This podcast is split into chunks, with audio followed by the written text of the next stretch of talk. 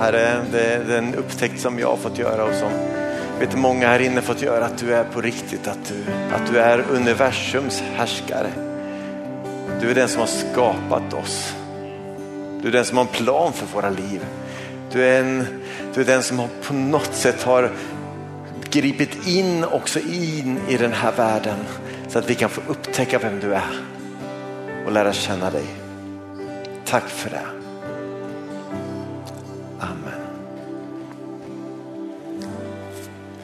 Varsågod och sitt.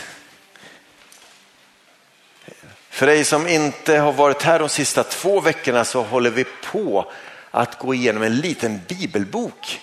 Ehm, därför att Bibeln är ju inte en bok, den är 66 olika böcker som är sammansatta. Och en av dem lite kortare, det är ett brev egentligen från Paulus som heter Efesierbrevet. Och vi eh, har valt att under tre söndagar bara dyka ner i det här lilla brevet för att läsa det och se vad står det. Och om du har haft möjlighet att läsa det hemma så inser du att det tar ungefär 20 minuter att läsa. Jonas Helgesson sa 15 minuter men jag fattar inte hur fort han måste läsa då. Ehm, läser man det högt för sig själv så tar det minst 20 minuter. Ehm, och kanske till och med det borde ta lite mer om man gör lite pauser och sånt där och inte bara plöjer. Men vi har valt ganska passande att kalla de här predikningarna för utifrån ett tema som vi sagt så här att Efesierbrevet det handlar om så mycket bättre. När man läser det så inser man att i de här verserna så avslöjas, på något sätt så är det som att Guds hjärta pyser ut. Och man bara förstår att Gud har något så mycket bättre för oss människor. I Sverige idag så är, lever vi i ett land där vi ganska stor utsträckning har raderat Gud från, eh, från våra liv. Och finns han så finns han kanske på begravningar eller på vigslar eller eh, när man eh, ska, ja, när man konfirmeras eller något tillfälle och då kanske han dyker upp. Men i Efesierbrevet får vi reda på att ja, men Gud vill vara en del av hela våra liv från start, genom hela livet, varje dag ända till slutet. Och vi förstår när vi läser, inte bara i Efesierbrevet utan läser Bibeln att, att Gud har något så mycket bättre för oss. Och det är spännande att se. Tidigare predikningar har vi talat om de första fem kapitlerna. Eh, kapitel 1-3 så talade Jonas då, han talade om, om vår relation med Gud. Och i kapitel 4, 5 och lite in i kapitel 6 så står det om vår relation med andra människor. Och Det som är så otroligt utmanande med Efesierbrevet det är att, att den på något sätt, det är som att den tar en skruv och skruvar in i oss där vi bara känner att oj, min relation till andra människor det är som termometern som avslöjar hur frisk min relation är med Gud. Har du tänkt på det någon gång? Ibland så kan man tänka att ja, men, eh, om någon har med Gud att göra, ja, men, eh, det är upp till dem och det är deras privatsak. Men i Efesierbrevet så är det som att, att Paulus säger att, att vet ni vad, att, att hur vi är mot andra människor, det är termometern för hur vår frisk vår relation är med Gud. Det är ganska utmanande va? Och alla börjar tänka att okej, okay, hur är min relation med, med, min familj, med mina föräldrar, med mina vänner och ja. Men det här Gud vill komma in. Han vill inte bara upprätta hans relation till dig. Han vill också att du ska få upprätta relationer med andra människor. Därför är inte kristen tro bara någonting mellan mig och Gud, det är ingen privatsak. Kristen tro har med hela livet att göra från början ända till slutet. För att citera Martin Luther, då, han har sagt så här att Bibeln är levande, den har fötter som springer efter mig, dina händer som griper tag i mig. Och så är det verkligen med Efesierbrevet, att det, det tar tag i mig och säger, hallå där Niklas, hur står det egentligen till? Är ni med? Ja, härligt. Det finns ett annat sätt att se på Efesierbrevet som Jonas introducerade för två veckor sedan. Det är att, att se kapitel 1, 2 och 3 som att andas in av Guds kärlek. Att andas in av hans nåd, att andas in av hans heliga ande. Och att vi sen i kapitel 4, 5 och lite in i 6 handlar om att andas ut, att få ge ut av det som vi får ta emot. Och Guds så mycket bättre plan för våra liv handlar om att få till andningen. När vi andas in, andas ut, får ta emot, får ge vidare, bli älskade av Gud så att vi kan älska andra. Vi blir förlåtna av Gud så att vi kan förlåta andra. Och Guds plan är att få till den här andningen. Jag vet inte hur många av er som har tänkt på sen ni kom hit att hålla koll på er andning. Hur många har suttit och tänkt så här, just det, andas in också. Nej, nu måste jag andas ut. Andas in. Alltså det sker ju automatiskt, eller hur? Det är så fantastiskt och det är så Gud skulle önska att vårt liv med honom är. Att jag får ta emot och jag får ge vidare utan att jag behöver tänka på att ah, nu måste jag vara snäll också och nu måste jag ju tala sanning. Utan att det ska vara någonting som sker naturligt. Där han blir en verklighet. Han blir inte en söndagsgud som jag kan tro på en gång i veckan utan han är en verklighet för varje dag i våra liv. Och Guds plan att vi ska få till den här andningen där vi har tålamod med varandra, att vi förlåter, att vi lever i hans kärlek. Och det där vi någonstans ska landa idag för att vi inser att det där sker ju inte alltid så automatiskt. Att tala sanning, att vara ärlig, att om jag får tillbaks 10 kronor för mycket eller om jag får en vara i butiken som jag egentligen glömde betala för, att gå tillbaka och betala för den för att man ska vara ärlig. Alltså att få till det här, det kräver ju lite jobb ibland. Eller är det någon som tycker att den här andliga andningen bara fungerar av sig själv hela tiden, behöver aldrig ens tänka på det? Nej, vad skönt. Så jag, jag satte eh, temat för dagens predikan till andningsbesvär. Jag tänkte först att jag skulle kalla det för djävulen vill ge oss covid. För att jag tänkte att eh, covid sätter sig på andningsvägarna men jag nöjde mig med andningsbesvär. Eh, för när man läser Bibeln så är det alltid också av största vikt att man läser texten i sin kontext. Och eh, vi kommer släppa en del bibelstudier i höst om det här att hur man ska läsa Bibeln. Men i det så behöver man ta vad står innan och vad står efter? Och när vi nu ska läsa, vi ska läsa åtta verser idag från Efesierbrevets kapitel 6. Och det som står innan i då fem kapitel, det är hur ser relationen ut i ditt liv? Relation med Gud och relationen till andra människor. Och mitt i det här relationspratet som pågår nu i, i över fem kapitel så kommer helt plötsligt det till någon form av ett avslut där man säger till sist eller slutligen och så kommer det vidare sen. Så vi ska kliva in i kapitel 6 och vers 10. Har du en bibel med dig så får du jättegärna slå upp den i Efesierbrevet kapitel 6 och vers 10. Har du bibeln i telefonen så är det helt okej okay att använda den där också. Jag har jobbat jättemycket med barn och ungdomar i min tid under eh, mitt arbete. Så. Och jag har lärt mig att läsa bibeln med pausknapp. För om man bara läser då är det svårt att hänga med ibland. Men att läsa en bit, pausa, vad stod det? Läsa lite mer, pausa. Så det ska vi göra idag. Vi ska läsa Bibeln med pausknapp och Efesierbrevet kapitel 6. Och bit för bit, sakta så kommer de här läggas till, läggas till texten så att vi till slut har hela bibelordet. Känns det här spännande? Efesebrevet som handlar om relationer, nu kommer utmaningen. Därför att det är inte alltid så enkelt att få till den här andningen. Det är inte alltid så enkelt att ha tålamod. Eller tycker ni det? Det är inte alltid så enkelt att vara god, att vara ärlig, att vara generös, att vara givmild, att vara gästvänlig. Det är inte alltid så enkelt.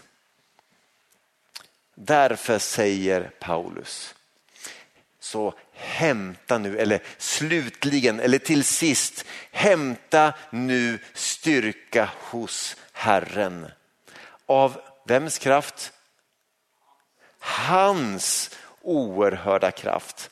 Och det här är, när, man, när jag upptäckte det första gången att, att det kristna livet, det handlar inte om att jag måste lära mig att prestera, utan jag kan få ta emot av hans kraft. Han kan hjälpa mig med min andning och det är fantastiskt bra. För om vi ska lyckas med att vara mot andra som Gud vill att vi ska vara så kan vi inte det i vår egen kraft. Johannes han säger att, att vi kan älska därför att han först har älskat oss. Tidigare i Efesierbrevet läste jag att, att vi ska förlåta. Varför då? Jo, för att han har förlåtit oss. Alltså att vår utandning har också med vår inandning att göra. Att vi får ta emot så att vi kan ge. Och när vi känner att ah, det är så svårt att ge, så svårt att andas ut, så kanske du borde tänka, ah, men, har du andats in sista tiden? Har Guds ord funnits med? Har du levt i tillbedjan? Har du bett? Har du gett Gud möjlighet att få andas på dig med sin ande? För annars så kanske du skulle gå tillbaka och säga Gud, jag har slarvat och andas in. Jag har försökt andas ut hela tiden. Jag håller på att svimma. Kan du hjälpa mig? Och det vill Gud verkligen. Vi behöver lära oss att hämta styrka och kraft hos Gud så att vi kan vara mot andra. Inte som de förtjänar att vi är. Inte som de eh, har varit mot oss, utan vi ska vara mot andra så som Gud själv har valt att vara mot oss. Han som älskar oss när vi ännu var syndare. Han som förlät oss innan vi ens bad om förlåtelse. Så han säger då, hämta och styrka hos Herren av hans oerhörda kraft. Ta på er Guds rustning så att ni kan hålla stånd mot djävulens lömska angrepp. Och här förflyttar Paulus fokus bort från oss och från Gud och säger att vi behöver alla vara på vår vakt. Därför att det finns en fiende, en djävul som vill angripa. Och om det är någon som undrar, liksom att, jaha, tror ni på djävulen också i den här kyrkan? Jag trodde ni trodde på Gud och på Jesus. Ja, vi tror att det är precis lika verkligt som det finns en god makt, en Gud som står över allting, så tror vi att det finns en ond makt som också är verksam. Och djävulen han vill dra oss bort ifrån Gud. Och Det är så intressant att Paulus använder ordet att, att det är djävulens lömska angrepp. Jag vet inte om du har tänkt på att om någonting är lömskt, då är det ju inte riktigt så tydligt. va? Ett lömskt angrepp, eller när någon är lömsk, då, då, då, då nästlar det sig in och liksom helt plötsligt så är det bara där. Det var lömskt. Att jag, hade, jag, jag förväntade mig inte det här och jag hade inte räknat med att det här skulle hända. Och om någon är lömsk då är det som att det bara smyger sig in och helt plötsligt så är det bara så. Och man börjar undra, hur kunde det här hända? Hur kunde det bli så här? Och det är sån djävulen är. Han vill näsla sig in och med sina lömska angrepp. De är inte alltid så uppenbara. Och Det innebär att vi inte alltid tror att det är djävulen som attackerar, vi tänker att det här är bara naturliga problem eller missförstånd.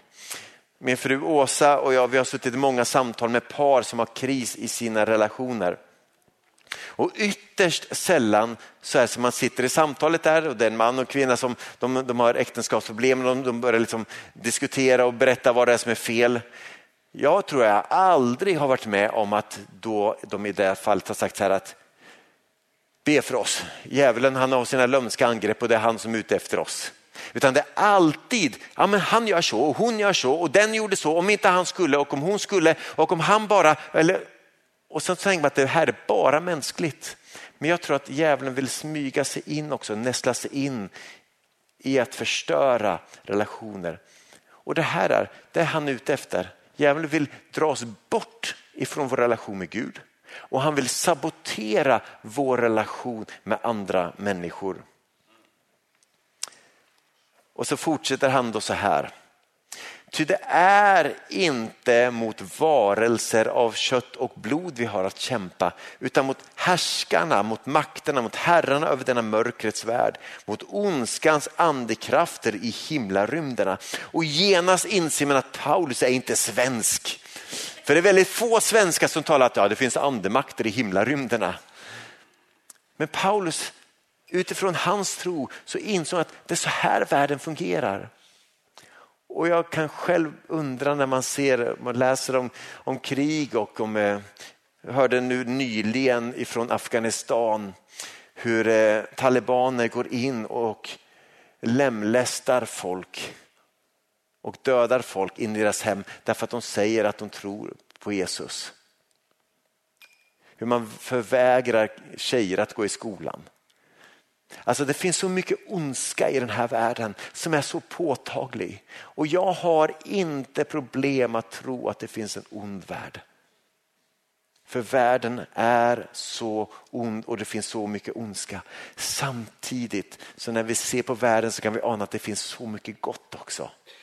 Och Gud vill inte att vi ska dras ner av djävulens lömska angrepp utan att vi ska leva det liv som Gud har tänkt. Det här ordet, de här orden om ondskans andemakter förekommer fyra gånger i Fesebrevet. Där han i kapitel 1 beskriver att Jesus är den som står över alla onda makter. Han är över allting. Det är ingen liksom, eh, maktkamp. Det är inte så att djävulen och Gud strider och oj, vem ska vinna? Han, han är den som är skaparen. Han har full koll. De spelar inte i samma division. Om nu Gud spelar i Premier League, då, då spelar djävulen i, i division 5 eller 6 i, eh, i norra Finland. Det är sån skillnad, det går inte att jämföra. Men i kapitel 2 så beskrivs det hur, hur människan utan Gud är under det onda. Men att i kapitel 3 så står det att hur Jesus genom församlingen vill visa att han nu har lyft människor som säger sitt ja till honom upp över. Men i kapitel 6 så beskrivs det återigen hur djävulen vill dra oss ner under med sina lömska angrepp och dra oss bort från honom. Läs i Efesierbrevet och du ser det här mönstret. Det är otroligt intressant. Och vi behöver därför lära oss att urskilja att vad är det som händer egentligen? Vad är det som händer med mig? Vad är, vad är det som händer i mina relationer? Varför är det svårt i min relation med Gud? Och kanske det är så att du behöver bara be om Gud om vishet. Att Gud hjälp mig att stå emot djävulens lömska angrepp. Och så ger han här råd. Han säger så här från vers 13. På grund av att det finns en andlig strid, ta därför på er Guds rustning så att ni kan göra motstånd på den onda dagen och stå upprätt efter att ha fullgjort allt. Det finns en rustning att ikläda oss. Eftersom djävulens angrepp är lömska så behöver vi en rustning. Och det som Paulus talar om här, han beskriver egentligen sen en romersk vapenrustning. Jag tror vi har en bild på den. Typ så, det är inget riktigt fotografi från romartiden för då fanns inga kameror. Men det man har grävt fram och hittat så kan man säga att typ så här kunde den se ut. Rustningen han beskriver här och han börjar då att säga från vers 14, stå alltså fasta eller stå stadigt eller var beredda, stå så beredda. Spänn på er sanningen som bälte och klä er i rättfärdighetens pansar. Bältet för en romersk eh, rustning var både den som höll ihop kläderna men det fanns också skyddande plåtar för att täcka de eh, liksom, ja, viktiga delen av, eh, av kroppen så, som är väldigt utsatt annars. Så det var plåtar som hängde ner för att skydda de vitala delarna. Och sen var det mm, en, en, en rustning, en pansar, både på framsidan och baksidan för att skydda. Bältet det var skyddande och pansaret var skyddande för att vi inte skulle vara så utsatta. Och Jag tänker att det här är sanningen och rättfärdigheten. Det här är ju någonting som är en relation där inte sanningen får vara gällande utan en relation där lögnen ständigt äter sig in. Hur ser en sån relation ut? Då blir det misstro till slut kan säga att om det är för mycket lögn i relation, till slut så kan den inte fungera. Den slår sig in därför att om man ständigt blir besviken, men du ljög för mig, du talade inte sanning. Till slut så äter det upp en så man känner att det här fick, jag fixar inte det här längre. Och det här vet Jesus, därför säger han att vi behöver ta på oss sanning, vi behöver tala sanning till varandra. Därför att det är bra för våra relationer. Det är bra i vår relation med Gud att vi kan berätta precis som det är, men det är också bra i vår relation med andra människor. Att tala sanning. Därför att lögnen förstör så mycket. Rättfärdighetens pansar är inget annat än det att vi har faktiskt fått ett rätt förhållande till Gud. Och när vi lever i sanningen och vi lever i ett rätt förhållande till Gud så, så är det som att djävulen inte får det här fotfästet i våra liv som han önskar. Lögnen bryter ner alla slags relationer och skadar dem. Någon har sagt så här att vi kan inte hindra fåglar från att flyga över våra huvuden. Och det kan vi inte göra, men vi kan hindra dem från att bygga bo i vår hatt. Och jag tänker att när vi väljer att vara oärliga, när vi låter lögnen få, få ett utrymme i våra liv och då vi inte liksom lever i ett rätt förhållande till Gud, då är det som att då ger vi möjlighet för fåglar att bygga bo i våra hattar. Och så fortsätter han i vers 15. Och sätt som skor på era fötter villigheten att gå ut med budskapet om fred. Och jag utmanas att så att det, att det är en villighet. Det är inte så att det sker automatiskt. Det här kräver ett, ett val. Att vi är villiga att älska, att vi är villiga att förlåta, att vi är villiga att ta ett steg, att vi är villiga att vara generösa. Och att vi är villiga att ta vår tro som vi har fått andas in och andas ut den på andra, att få ge vidare, att gå ut med budskapet om fred. Att Gud som skapat oss, att han har valt att komma hit för att få fred eller få frid tillsammans med oss. Men att gå ut kräver ett jobb, en insats, vi behöver vara villiga på det. Och där finns det en utmaning för oss kristna, att, att ibland så är det så att vi tänker att det här ska väl bara hända. Men ibland så behöver vi vara villiga att säga att nej men Gud, jag är villig. Jag är villig att ställa mig upp, jag är villig att gå in i det här, jag är villig att ringa det där samtalet och säga du, du gjorde det här mot mig och jag förlåter dig. Långt innan den personen valt att säga kan du förlåta. Att vi väljer att vi är villiga att faktiskt också sträcka ut en hand till människor som behöver hjälp. Det är inte alltid bekvämt. Men det är så Gud vill att vi ska andas ut. Att förlåta, att älska, att vara generös är ett arbete vi måste vara villiga att göra. Och när vi andas ut det så töms våra lungor och det blir lättare att andas in då också. Och han fortsätter så här i vers 16. Så håll ständigt trons sköld framför er. Med den ska ni få den ondes alla brinnande pilar att slockna. En romersk sköld det var fyrkantig, den var ganska stor, lite klumpig och lite välvd så här. Och den var utformad så att det skulle skapa en ogenomtränglig mur när man stod tillsammans. En romersk soldat på egen hand var ett lätt byte för vilken fiende han än mötte. Men det som gjorde de romerska soldaterna så effektiva var att de inte stod ensamma. De stod sida vid sida och de kunde formera sig. Det fanns, det fanns massor olika formationer där de liksom byggde på att vi står ihop. Och när de hade den här muren av sköldar framför sig så var det små springor där de kunde sticka ut sina svärd genom springorna och orsaka stor skada. Det finns en formation som kallas för, tycker jag är lite kul, sköldpaddsformation. Då hade man sköldarna runt om, all, överallt runt omkring och så gick man där och så kunde man eh, ta emot pilregn och man kunde ta emot stenkastning och så var man ändå beskyddade där inne. Och de hade tränats på att stå tillsammans. Och att han använder den här bilden tycker jag är så tydligt. Det här handlar att att vara kristen handlar inte om att stå ensam utan för att stå tillsammans. Jag vet inte om ni tänkte på det, det stod så här att håll ständigt trons sköld framför er, inte dig. Tanken med Guds församling är att vi får stå tillsammans. Vi får stå sida vid sida. Där min sköld kanske skyddar den som står bredvid mig.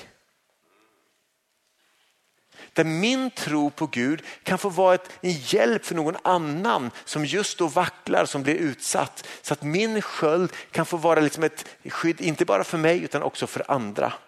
Och därför är min rekommendation när människor brottas med sin tro och tycker att ah, det är så svårt att tro. Så här, Finns du med i en andlig gemenskap? Har du någon du kan be med?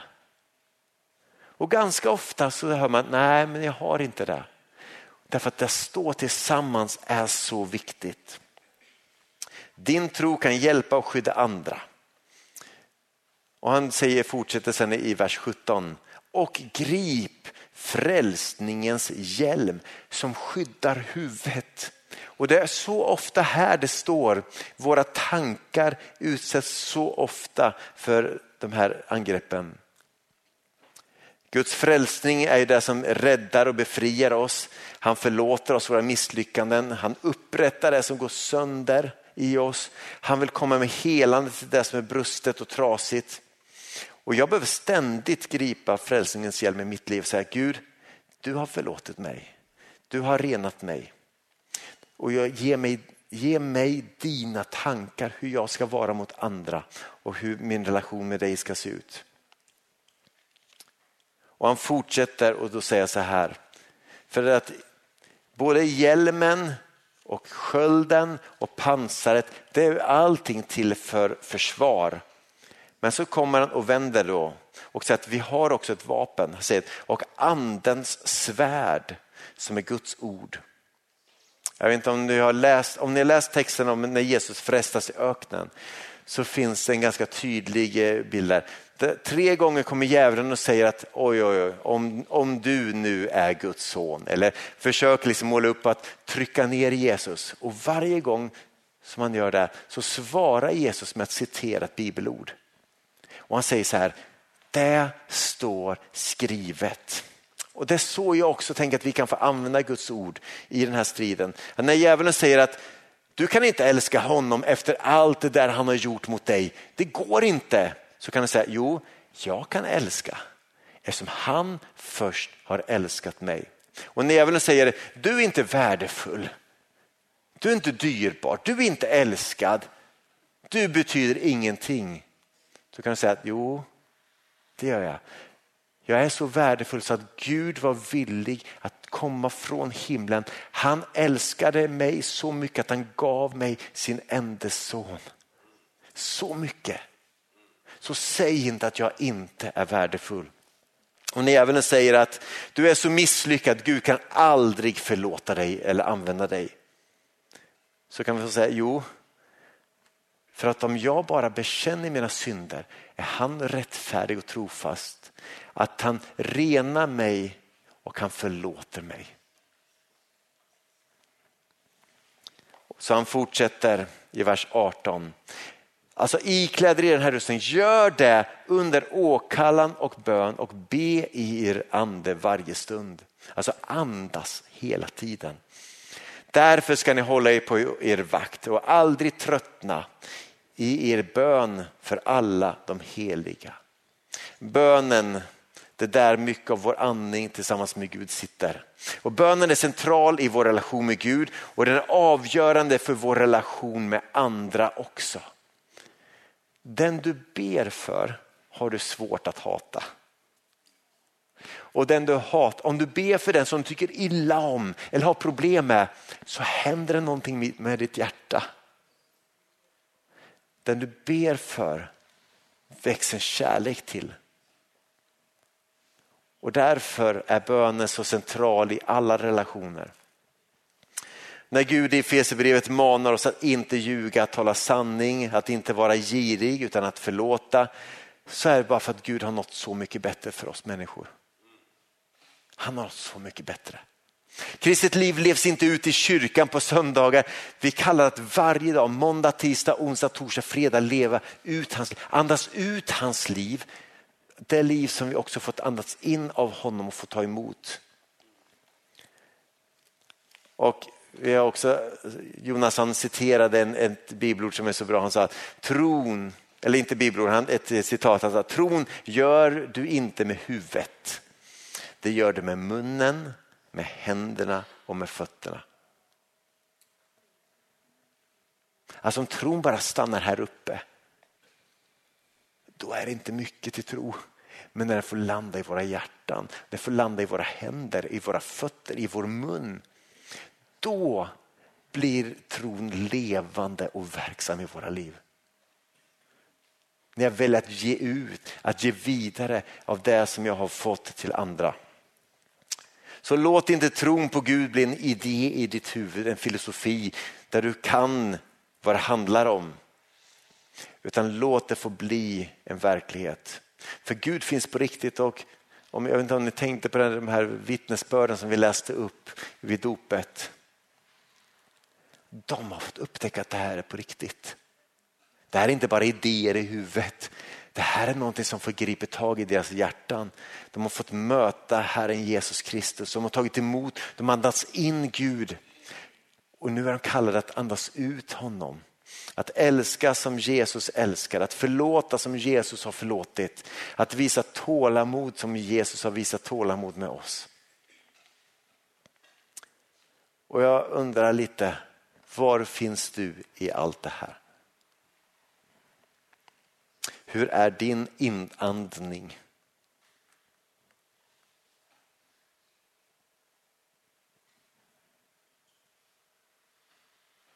Andas du in Gud? Tar du emot av honom? Eller har tron blivit någonting som du, ja men jag tror nog på det här uppe. Eller tar du emot av hans ande, av hans liv. När du läser i ordet låter du honom tala. När du ber ut, är du ärlig och utgjuter ditt hjärta och säger Gud, det här gick inget bra idag. Hjälp mig imorgon. Är det här en del av ditt liv?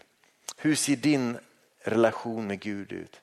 Och det andra, hur ser din relation med andra ut? För din tro på Gud, din relation med Gud vill han ska smitta av sig på hur också relationen är till andra människor. Och kanske finns det någon du behöver förlåta.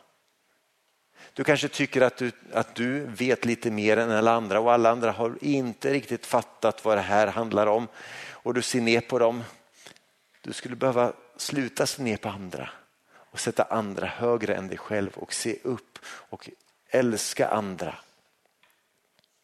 Har du klätt dig i sanningen, i rättfärdigheten, i frälsningen? Står du fast i tron tillsammans med andra? Lever du i Guds ord som är andens värld? Djävulen vill ge dig andningsproblem.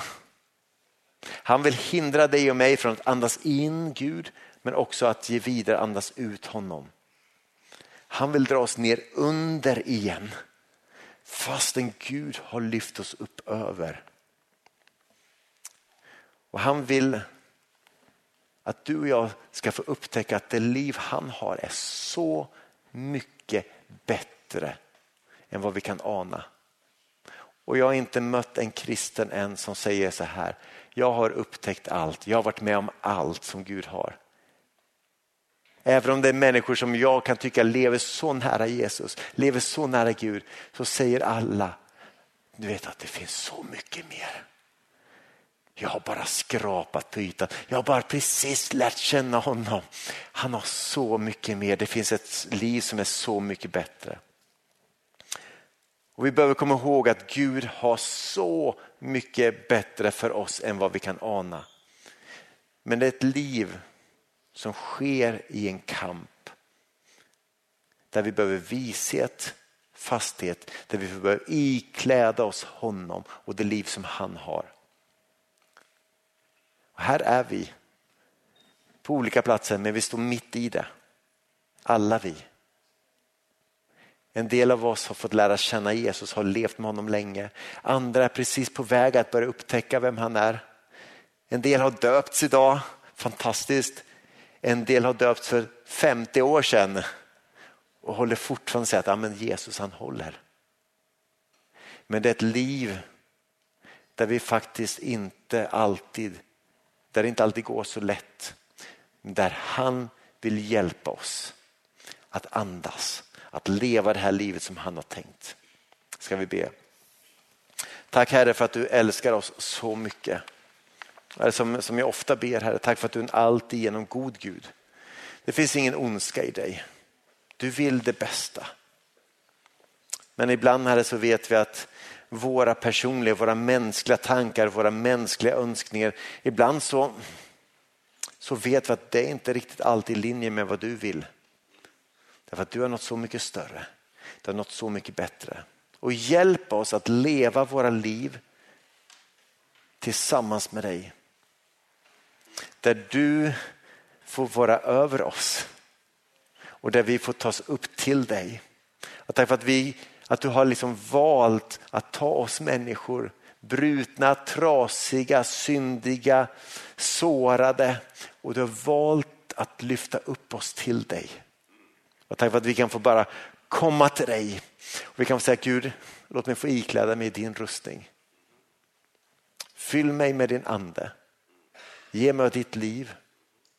Låt, oss, låt mig ha frälsningens hjälp på mitt huvud och trons sköld framför mig. Och hjälp mig att stå tillsammans med andra så att tron får bli verksam och verklig i mitt liv. Och hjälp oss att vara en gemenskap som inte bara tror på dig på söndag förmiddag klockan 11 utan där vi varje dag får vandra med dig och få ge ut av det som du har gett oss. Där vi får förlåta, älska, välsigna och ge vidare. Herre, gör oss generösa. Och herre, jag ber att våra liv skulle vara ett bevis för människor att du är på riktigt. Amen.